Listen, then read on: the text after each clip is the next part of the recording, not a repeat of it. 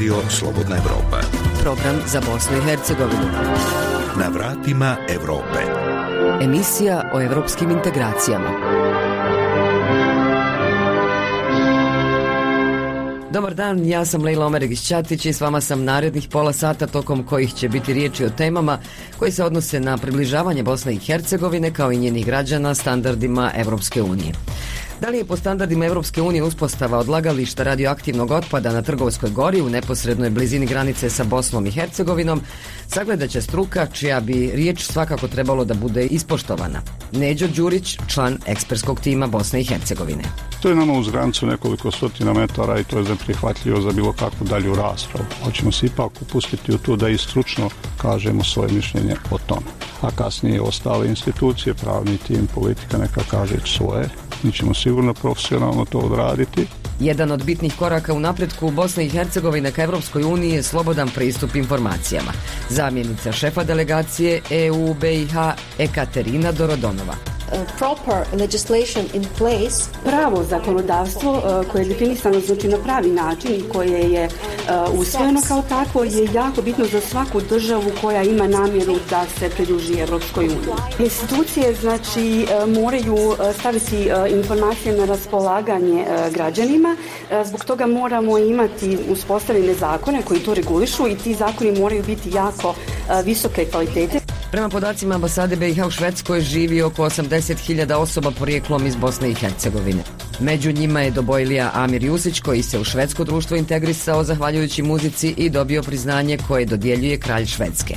To je u stvari kraljeva medalja za 35 godina bavljenja muzikom. Među njima je i goraždanin Jasenko Ćurovac koji je svoj biznis u Švedskoj započeo sa ušteđenih 1000 eura, a danas je vlasnik nekretnina u Švedskoj, Turskoj i BiH. On poručuje – E, počnemo cijeniti sebe, ko ljude i oko sebe ljudi, i sve naše, svaku travu, e, onda će nas cijeniti čito svijet. Ostanite uz nas i poslušajte ove priče u cijelosti. A najprije ćemo podsjetiti na prošlosedmični samit koji je održan na Brdu kod Kranja. I institucije i lideri Europske unije poslali su jaku poruku sa samita u Sloveniji. Proširenje na Zapadni Balkan je i dalje u opticaju i dogodit će se rekao je za Radio Slobodna Evropa analitičar Međunarodnog nevladinog savjeta za politiku demokratizacije Tobi Vogel. Ipak Vogel ističe da je pitanje kako će evropski signal biti protumačen među liderima Zapadnog Balkana, ali i koliko je podrška proširenju ozbiljna u dijelu Evropske unije. S njim je razgovarala Nevena Bogdanović. Gospodine Vogel, zašto posle samita u Sloveniji nemamo rok? Slovenija je predložila da Zapadni Balkan postane deo Unije do 2030. ali to nije usvojeno. Zašto je teško odrediti datum? Because it is always going to be unpredictable. Uvek je nepredvidljivo koliko brzo će države napredovati na putu ka Evropskoj uniji. Možda ćete imati promenu vlasti u državi kandidatu, usporavanje procesa ili jedan problem koji bi mogao da sve uspori. Srbija bi mogla da reši sva tehnička poglavlja, ali dok odnos sa Prištinom ostaje nerešen, neće se pridružiti uniji. Rokovi su po svojoj prirodi veštački i nepredvidivi. Drugi problem je to što za države poput Bosne i Hercegovine i Kosova koje nisu ni počele pregovore, a pet država Evropske unije ne priznaje Kosovo kao nezavisnu državu, 9 ili 10 godina ne izgleda kao dovoljno vremena za proces integracija. 10 godina i nije tako dug period u uslovima trenutnih pregovora o članstvu u Evropskoj uniji. Ja sam lično vrlo skeptičan po pitanju proširenja i ozbiljnosti evropskih obećanja da ćete nam se pridružiti ukoliko ispunite kriterijume. Mislim da to nije iskreno obećanje, ali razumem zašto je slovenački predlog bio non-starter. Nije imao šanse da bude usvojen. Ne vidim da ga je mnogo država podržalo i za mene je pomalo misterija što je Slovenija ponudila taj rok. And uh, it's a bit of a mystery to me why the Slovenes brought this up to begin with. Premijer Kosova Albin Kurti uputio je poruku evropskim liderima da je na Zapadnom Balkanu šest država i da bi trebalo zvanično uvrstiti termin Zapadni Balkan 6. Tražio je viznu liberalizaciju za građane Kosova. Kako gledate na njegove zahteve? Well, I fully understand that Kosovo is uh, frustrated. Potpuno razumem da je Kosovo frustrirano zato što su dobili obećanje Evropske unije da građanima više neće trebati viza za Evropsku uniju, za Schengen zonu ako ispune određene kriterijume. I ispunili su te kriterijume. Ali je raspoloženje Evropske unije da se vizna liberalizacija neće uskoro dogoditi. Prvi deo izjave je Kurtijev pokušaj da dobije nekakvo de facto priznanje Evropske unije, iako pet država EU ne priznaje Kosovo. Mislim da se taj predlog, usvajanje termina o šest država, neće razmatrati. Mi možemo da se sa tim složimo ili ne. Mislim da je Kurti više slao signal nego što je slao predlog za koji očekuje da će uskoro biti usvojen. I think he was sending a signal. I don't think this is a proposal that he expects to be adopted anytime soon. Za Radio Slobodna Evropa iz Beograda, Nevena Bogdanović. Na vratima Evrope. Uprkos protivljenjima svih nivoa vlasti u Bosni i Hercegovini, Republika Hrvatska godinama kontinuirano radi na uspostavi odlagališta radioaktivnog otpada na Trgovskoj gori u neposrednoj blizini granice sa Bosnom i Hercegovinom. Lokaciju Čerkezovac na Trgovskoj gori prvi put su obišli članovi Bosansko-Hercegovačkog ekspertnog tima za praćenje stanja i aktivnosti u vezi s problematikom odlaganja radioaktivnog otpada i istrošenog nuklearnog goriva na Trgovskoj gori. Azra Bajrić ima više detalja. Sve je izvjesnije da će Republika Hrvatska svoj radioaktivni otpad zbrinjavati na Trgovskoj gori u neposrednoj blizini granice sa Bosnom i Hercegovinom. Lokacija je na području sa manjom gustoćom naseljenosti u Hrvatskoj, no nepuna dva kilometra dalje jedno je od najgušće naseljenih područja u Bosni i Hercegovini. Miroslav Drljača, načelnik opštine Novi grad. Ono što je za mene neprihvatljivo, a to je blizina samoga Novoga grada. Novi grad je puno bliže nego što je to sam dvor. Ja vjerujem da smo došli u jednu situaciju kada je ova lokacija ostala jedina. Vjerujem da će hrvatska strana ispuštovati sve međunarodne obaveze prilikom istraživanja i izgradnje, ali sigurno da to nije lokacija koja je najbolja i najidealnija u Republici Hrvatskoj. Mislim da jedni dobrosusjedski odnose nalažu da se ta lokacija udalji od same državne granice. Članovi Bosansko-Hercegovačkog ekspertnog tima za praćenje stanja i aktivnosti u vezi sa problematikom odlaganja radioaktivnog otpada i istrošenog nuklearnog goriva na Trgovskoj gori prvi su put obišli mikrolokaciju Čerkezovac, inače bivše vojno skladište na kojem se treba graditi odlagalište za zbrinjavanje nuklearnog otpada nuklearne elektrane Krško. Posjeta je rezultat sastanka održanog prije tri mjeseca u Zagrebu, kada je naglašena potreba transparentnijeg odnosa Hrvatske, a kako bi BH stručnjaci mogli na vrijeme reagirati. Emir Dizdarević, predsjedavajući ekspertnog tima. Dogovorili smo se da po svim aktivnostima koje bude Fond za razgradnju nuklearne Krško radio, naši eksperti budu, odnosno ekspertski tim informiran i da prati te aktivnosti kako bi svoje primjedbe na vrijeme dao i svakako dragovo na sve ono gdje uoče neke nedostatke i eventualno u tim radovima koji budu nešto što nije još do kraja istražno i dorađeno. Sljedeći sastanci će biti e, na nivou članova ekspertskog tima sa kompanijama koje dobijaju poslove za izradu znači zahvata za studiju na okolinu Godinama BH vlasti i građani upozoravaju kako bi uspostava odlagališta radioaktivnog otpada na Trgovskoj gori ugrozila zdravlje oko 250.000 ljudi u 13 opština u slivu Une i privredni razvoj ovog kraja. Iz Republike Hrvatske tvrde kako opasnosti nema. Hrvoje Prpić, direktor Fonda za finansiranje razgradnje i zbrinjavanje radioaktivnog otpada i istrošenog nuklearnog goriva nuklearne elektrane Krško. Naš projekt traje cijelo vrijeme. Dakle, mi smo već sada završili jedan veliki dio radiološkog monitoringa nultog stanja na samom objektu i u okolici. Dio geološkog istraživanja je jednim dijelom obavljen, ali je onda jednim dijelom zaustavljen jer je bilo potrebno pregledati teren i eventualno ga razminirati. Sada se radi o označavanje područja koje je pregledano da bi se moglo nastaviti sa geološkim istraživanjem. Kad završimo ovaj dio istražnih radova i geološki, onda idemo na sigurnosne analize. Nakon toga idemo u studiju utjecaja na okoliš i konačno izdavanje lokacijske i građevinske dozvole koji su preduje da počnemo graditi. I dok Hrvatska skoro dvije decenije ide ka planiranoj uspostavi odlagališta na Trgovskoj gori, u Bosni i Hercegovini se uglavnom deklarativno protivilo tek posljednjih godina sa nešto intenzivnim aktivnostima. Potpisivane su peticije, usvojena rezolucija na državnom parlamentu, argumentima ukazivano Hrvatskoj na negativne posljedice. Neđo Đurić, član ekspertnog tima BiH. To je nama uz granicu nekoliko stotina metara i to je neprihvatljivo za bilo kakvu dalju raspravu, ali ćemo se ipak upustiti u to da i stručno kažemo svoje mišljenje o tome. A kasnije ostale institucije, pravni tim, politika neka kaže svoje. Mi ćemo sigurno profesionalno to odraditi. Posmatramo ovo kao jedan period, bilo da je skladište, pogotovo da je odlagalište, period oko 300 godina, koliko će utjecaja radioaktivnost trajati, a to je negdje 10 do 12 generacija naših. Nisam siguran da ćemo uvijek imati takvu veliku budnost, zato ćemo mi stručnjaci to sagledati, profesionalno uraditi. Ako nam se pruže prilike, mi ćemo tražiti od savjeta ministara budžet, da uđemo u budžet za narednu godinu, da se isfinansiraju istraživanja, jer od ove priče neće biti ništa ako ne provedemo adekvatne istraživanje.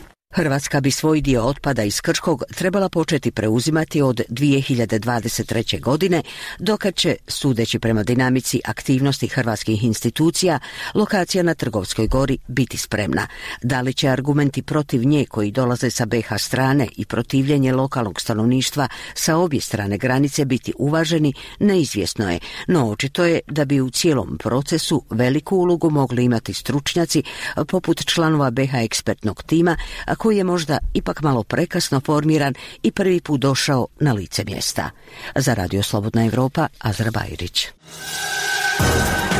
Emisiju Na vratima Evrope možete i pročitati na našoj web stranici slobodnaevropa.org.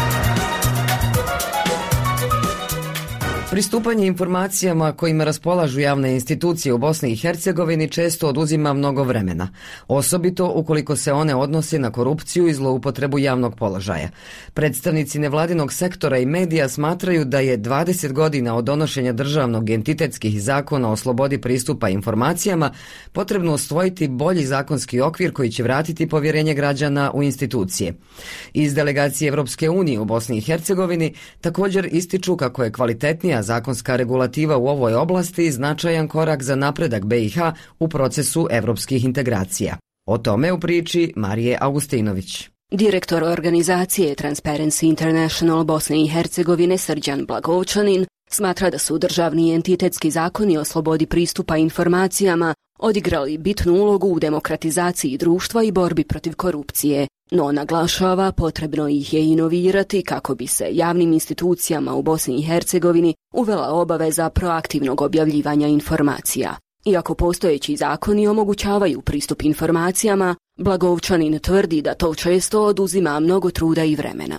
Zapravo se ti problemi javljaju u pravilu tamo i onda kada postoji e, određene indikacije na korupciju ili zloupotrebu javnog e, položaja.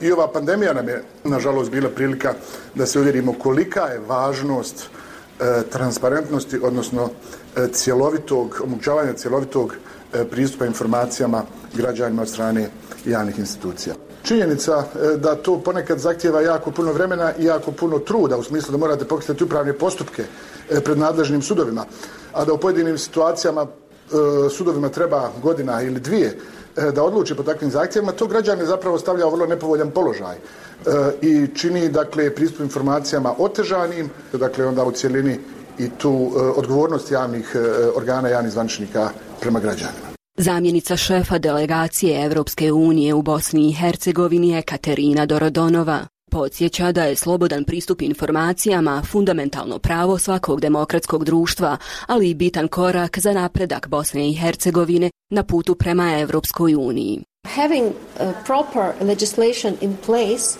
pravo zakonodavstvo e, koje je definisano znači na pravi način i koje je e, usvojeno kao takvo je jako bitno za svaku državu koja ima namjeru da se pridruži Evropskoj uniji. E, dakle, koraci koje Bosna i Hercegovina treba da napravi da bi znači ispunila ove zahtjeve i da bi se uskladila sa standardima u Evropskoj uniji su izneseni u dokumentu, odnosno mišljenju komisije sa 14 ključnih prioriteta za Bosnu i Hercegovinu i isto tako u analitičkom izvještaju Evropske komisije iz 2019.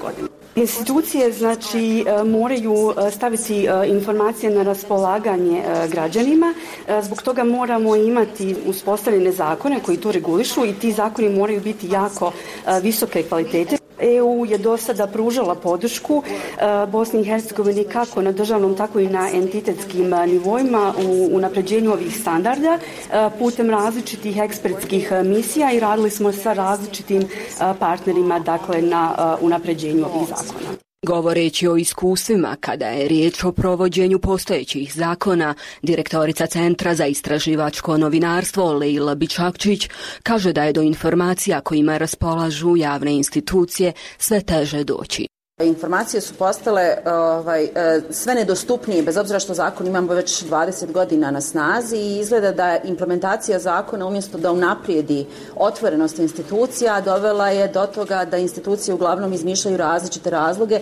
u okviru zakonskog dakle ove rješenja da e, onemoguće pristup ili da ga maksimalno otežaju. Tako da nažalost e, pristup informacijama e, nije unaprijeđen, mada kažem očekivalo se da će zakon ovaj taj problem riješiti.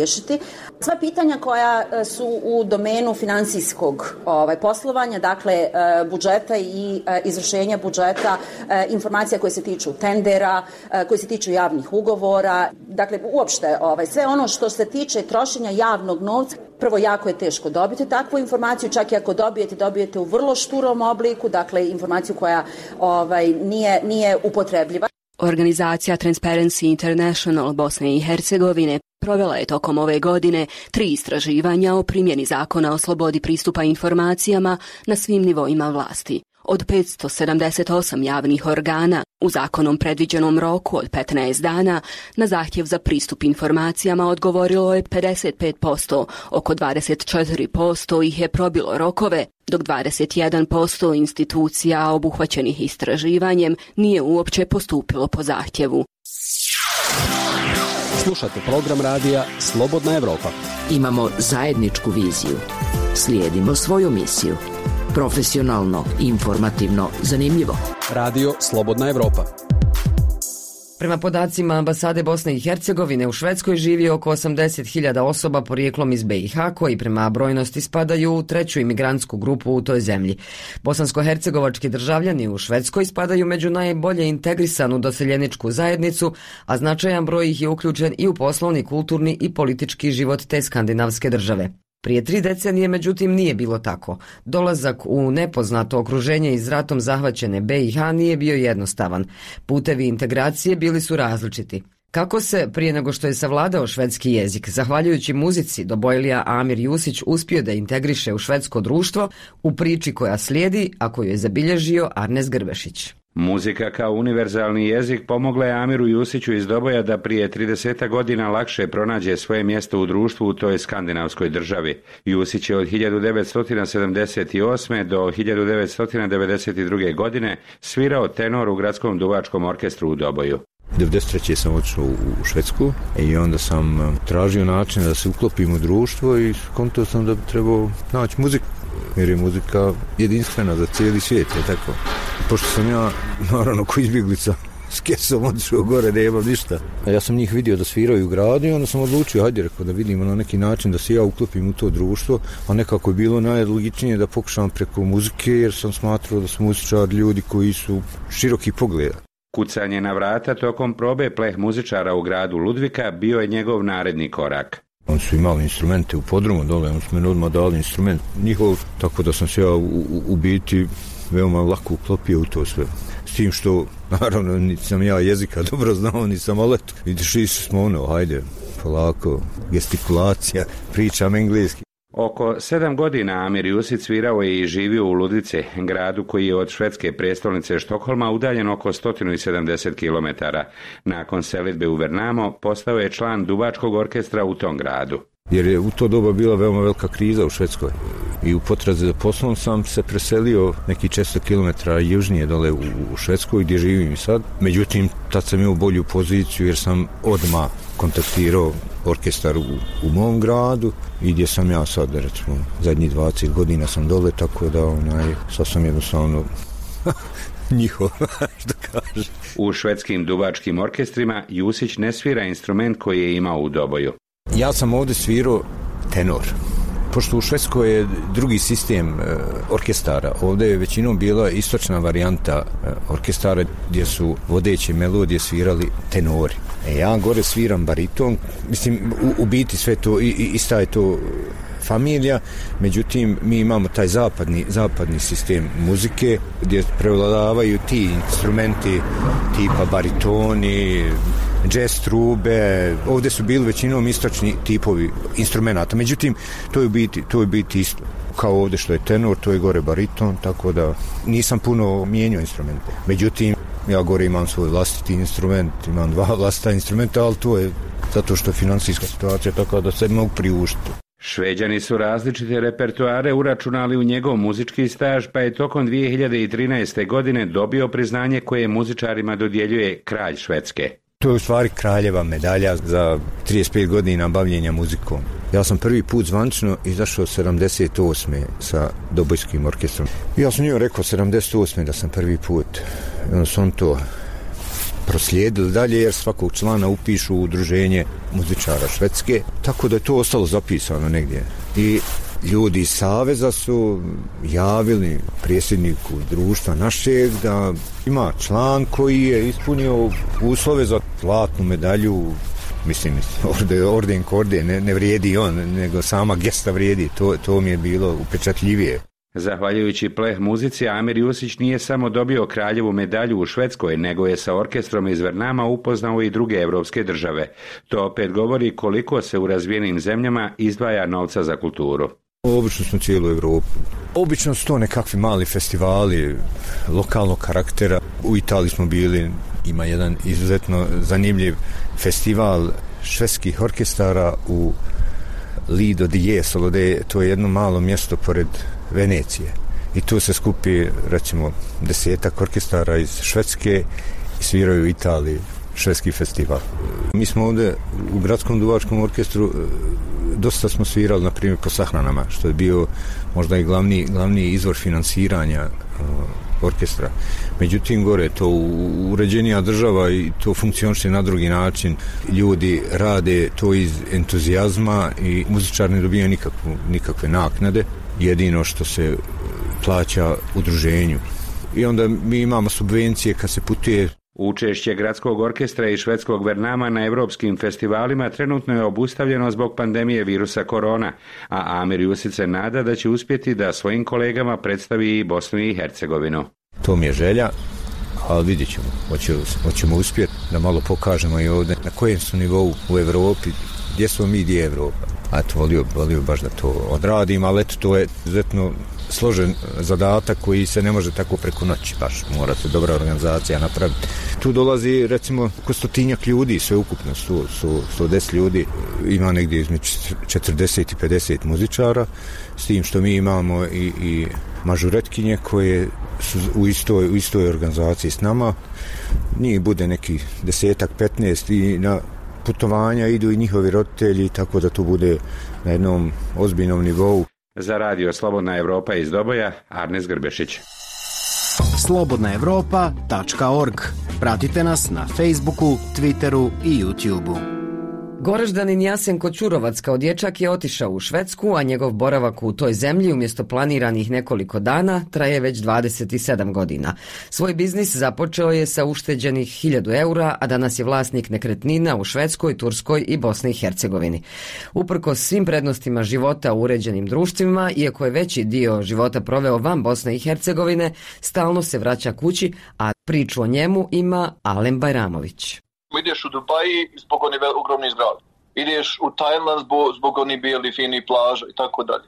Ali u Bosnu i Hercegovini ljudi, uključujući mene, znači, a i ostale turiste, idemo zbog ljudi. Ovako Jasenko Čurovac, goraždanin koji je od 43 godine života 27 proveo van Bosne i Hercegovine, objašnjava svoje motive zbog kojih se vraća u zemlju u kojoj je rođen. Ljudi su najveći resurs Bosne i Hercegovine, ne samo u pogledu njihovog znanja, vještina u poslovima kojima se bave, već i zbog načina života i svakodnevne komunikacije, jer bi za svoje vrsne terapije, kakve proživi dok boravi u Goraždu ili Sarajevu, Jasenko na zapadu morao platiti. Recimo, ako sam pod stresom ili ne mogu da spavam od, od posla, jer ipak puno rad. Ja dođem dole samo da se nasmijem. Ja bi platio, znači, stolcu onda na Ferhadiji, ili u Goraždu, u San ili Koko i ostalo, samo da sjedim i slušam ljude i da se nasmijem. Odlična je drina, odlične su šume, odlične su e, naši produkti ovi e, ekološki. Ali to nije ništa koliko su ljudi. To je ono što danas najviše nedostaje na zapad, a to je duša. U Švedsku je otišao sa porodicom neplanirano 1992. godine. Umjesto nekoliko dana koliko je trebala trajati posjeta rodbini u Pljevljima u susjednoj Crnoj Gori, počeo je rat u Bosni i Hercegovini pa je put porodice Čurovac nastavljen preko bijelog svijeta i traje već 27 godina. Nekad kad razmislim, ja sam u stvari, ja, ja se gledam ko bosanac, ali ja sam živio 16 godina u Bosni i 27 u inostranstvu. Znači, ne može, ne može mozak još uvijek da stvari u stvari da bi ja trebao biti više žveđan nego bosanac, ali mozak to neće prihvatiti. Jasenko se sjeća trenutka koji je odredio njegovu daljnju sudbinu, jer svoj poslovni uspjeh najviše duguje bosanskom inatu i ponosu. Kao izbjeglica iz Bosne imao je pravo na pomoć države koja ga je primila, ali nije se mogao pomiriti s tim da živi od socijalne pomoći. Ti kad živiš u Švedskoj na, socijal, na socijali, tad recimo 2 do 3 hiljade maraka dobiješ od države, ni zašto. Ja sam tad došao da potpišem jedan zeleni papir i jedan e, koji je radio tamo koji se zvao Mac, ja sam njega kasnije sreo. I on mene gleda s leđa, ali sa nekim zlobnim zadovoljstvom. Ja sam se okrenuo, potpisao taj zeleni papir, dao ga i rekao ja se više nikada ovdje neću vratiti. Nakon pet godina muke, štednje i rada bez dana odmora, uspio je kupiti zapušteni objekat tržnog centra u gradu Vekše u kojem živi kad sam ja došao ovdje, ja sam bio prvi stranac od 1969. Znači, o, o, taj shopping centar je otvoren 1969. Ja sam prvi stranac koji je kročio tu da radi. A danas imamo 15 nacionalno zaposlenih. Sve je sam dizajnirao, a interijer je drvetom ukrasio višegrađani Almir, pa je ovaj tržni centar, zahvaljujući dvojici bosanaca, prije dvije godine izabran među tri najbolja od ukupno 7000 tržnih centara u Švedskoj. Prije 11 godina Jasenko je kupio i hotel u Turskoj Alanji, a 2015. i nekretnine u Sarajevu. Ja sam prve godine radio, znači u Švedskoj, radio sam po 30 dana, 12 do 16 sati, a uzmao sebi platu 300 maraka. I, ali mi je bilo zadovoljstvo zato što nisam tog maca morao nikad sresti, nego to je bilo moji 300 maraka, a njegov, njegov 3000. To je taj bosanski na. Ja sam prvi nekoliko godina u jednom paru e, pantola bio. I te pantalone sam skinuo parmerke sa sebe kad su se ono raspale skroz. Trenutno najdraži posao mu je pisanje kolumne za lokalne novine u Švedskoj, a dobre i loše dane najradije provodi u Sarajevu. Mnogi se čude njegovom izboru, ali on to objašnjava i na primjeru kada je iz hladne Švedske i tamošnjeg zdravstvenog sistema samo na putu od aerodroma do stana u Sarajevu dobio 50 preporuka kome da se obrati i čime da izliječi bolove u leđima. Opet se kažem, od, od putnika, taksista i osta, od ljudi i drugi svi nacionalnosti. Nikom nije rekao ja te neću, nego svi nacionalnosti da meni pobogne s liječkom. A zašto sam ja onda sa zapada čovjek sa novcem došao u Bosnu i Hercegovini? Duša. Žabe je tebi što on možda ima ljepšu sobu u bolnici kad ti ne možeš koristiti. Ponavlja da bosanci imaju dušu, vrijedni su u poslovima koje rade, jedino što im nedostaje je sloga i radost zbog uspjeha nekog svog. Ono što moramo shvatiti je da, naravno, svak voli sam sebe ali opet je bolje da jedan Alen ili Zlatan Ibrahimović uspije, a nemam ja direktne koriste. Ja ne znam Zlatan Ibrahimovića privatno, ali samim time bolje kada ja kažem u Švedskoj da sam bosanac, da me, da me veže sa Zlatan Ibrahimovićem, nego sam jadom, bjedom ili kriminalom. Kad počnemo cijeniti sebe, ko ljude i oko sebe ljude, i sve naše, svaku travu, e onda će nas cijeniti čitav svijet. Kada je o promjenama u Bosni i Hercegovini riječ, dodaje Čurovac, političari su ogledalo naroda, jer ih biraju građani, a promjene dolaze od pojedinca i iz njegove avlije. Za radio Slobodna Evropa iz Goražda, Alen Bajramović.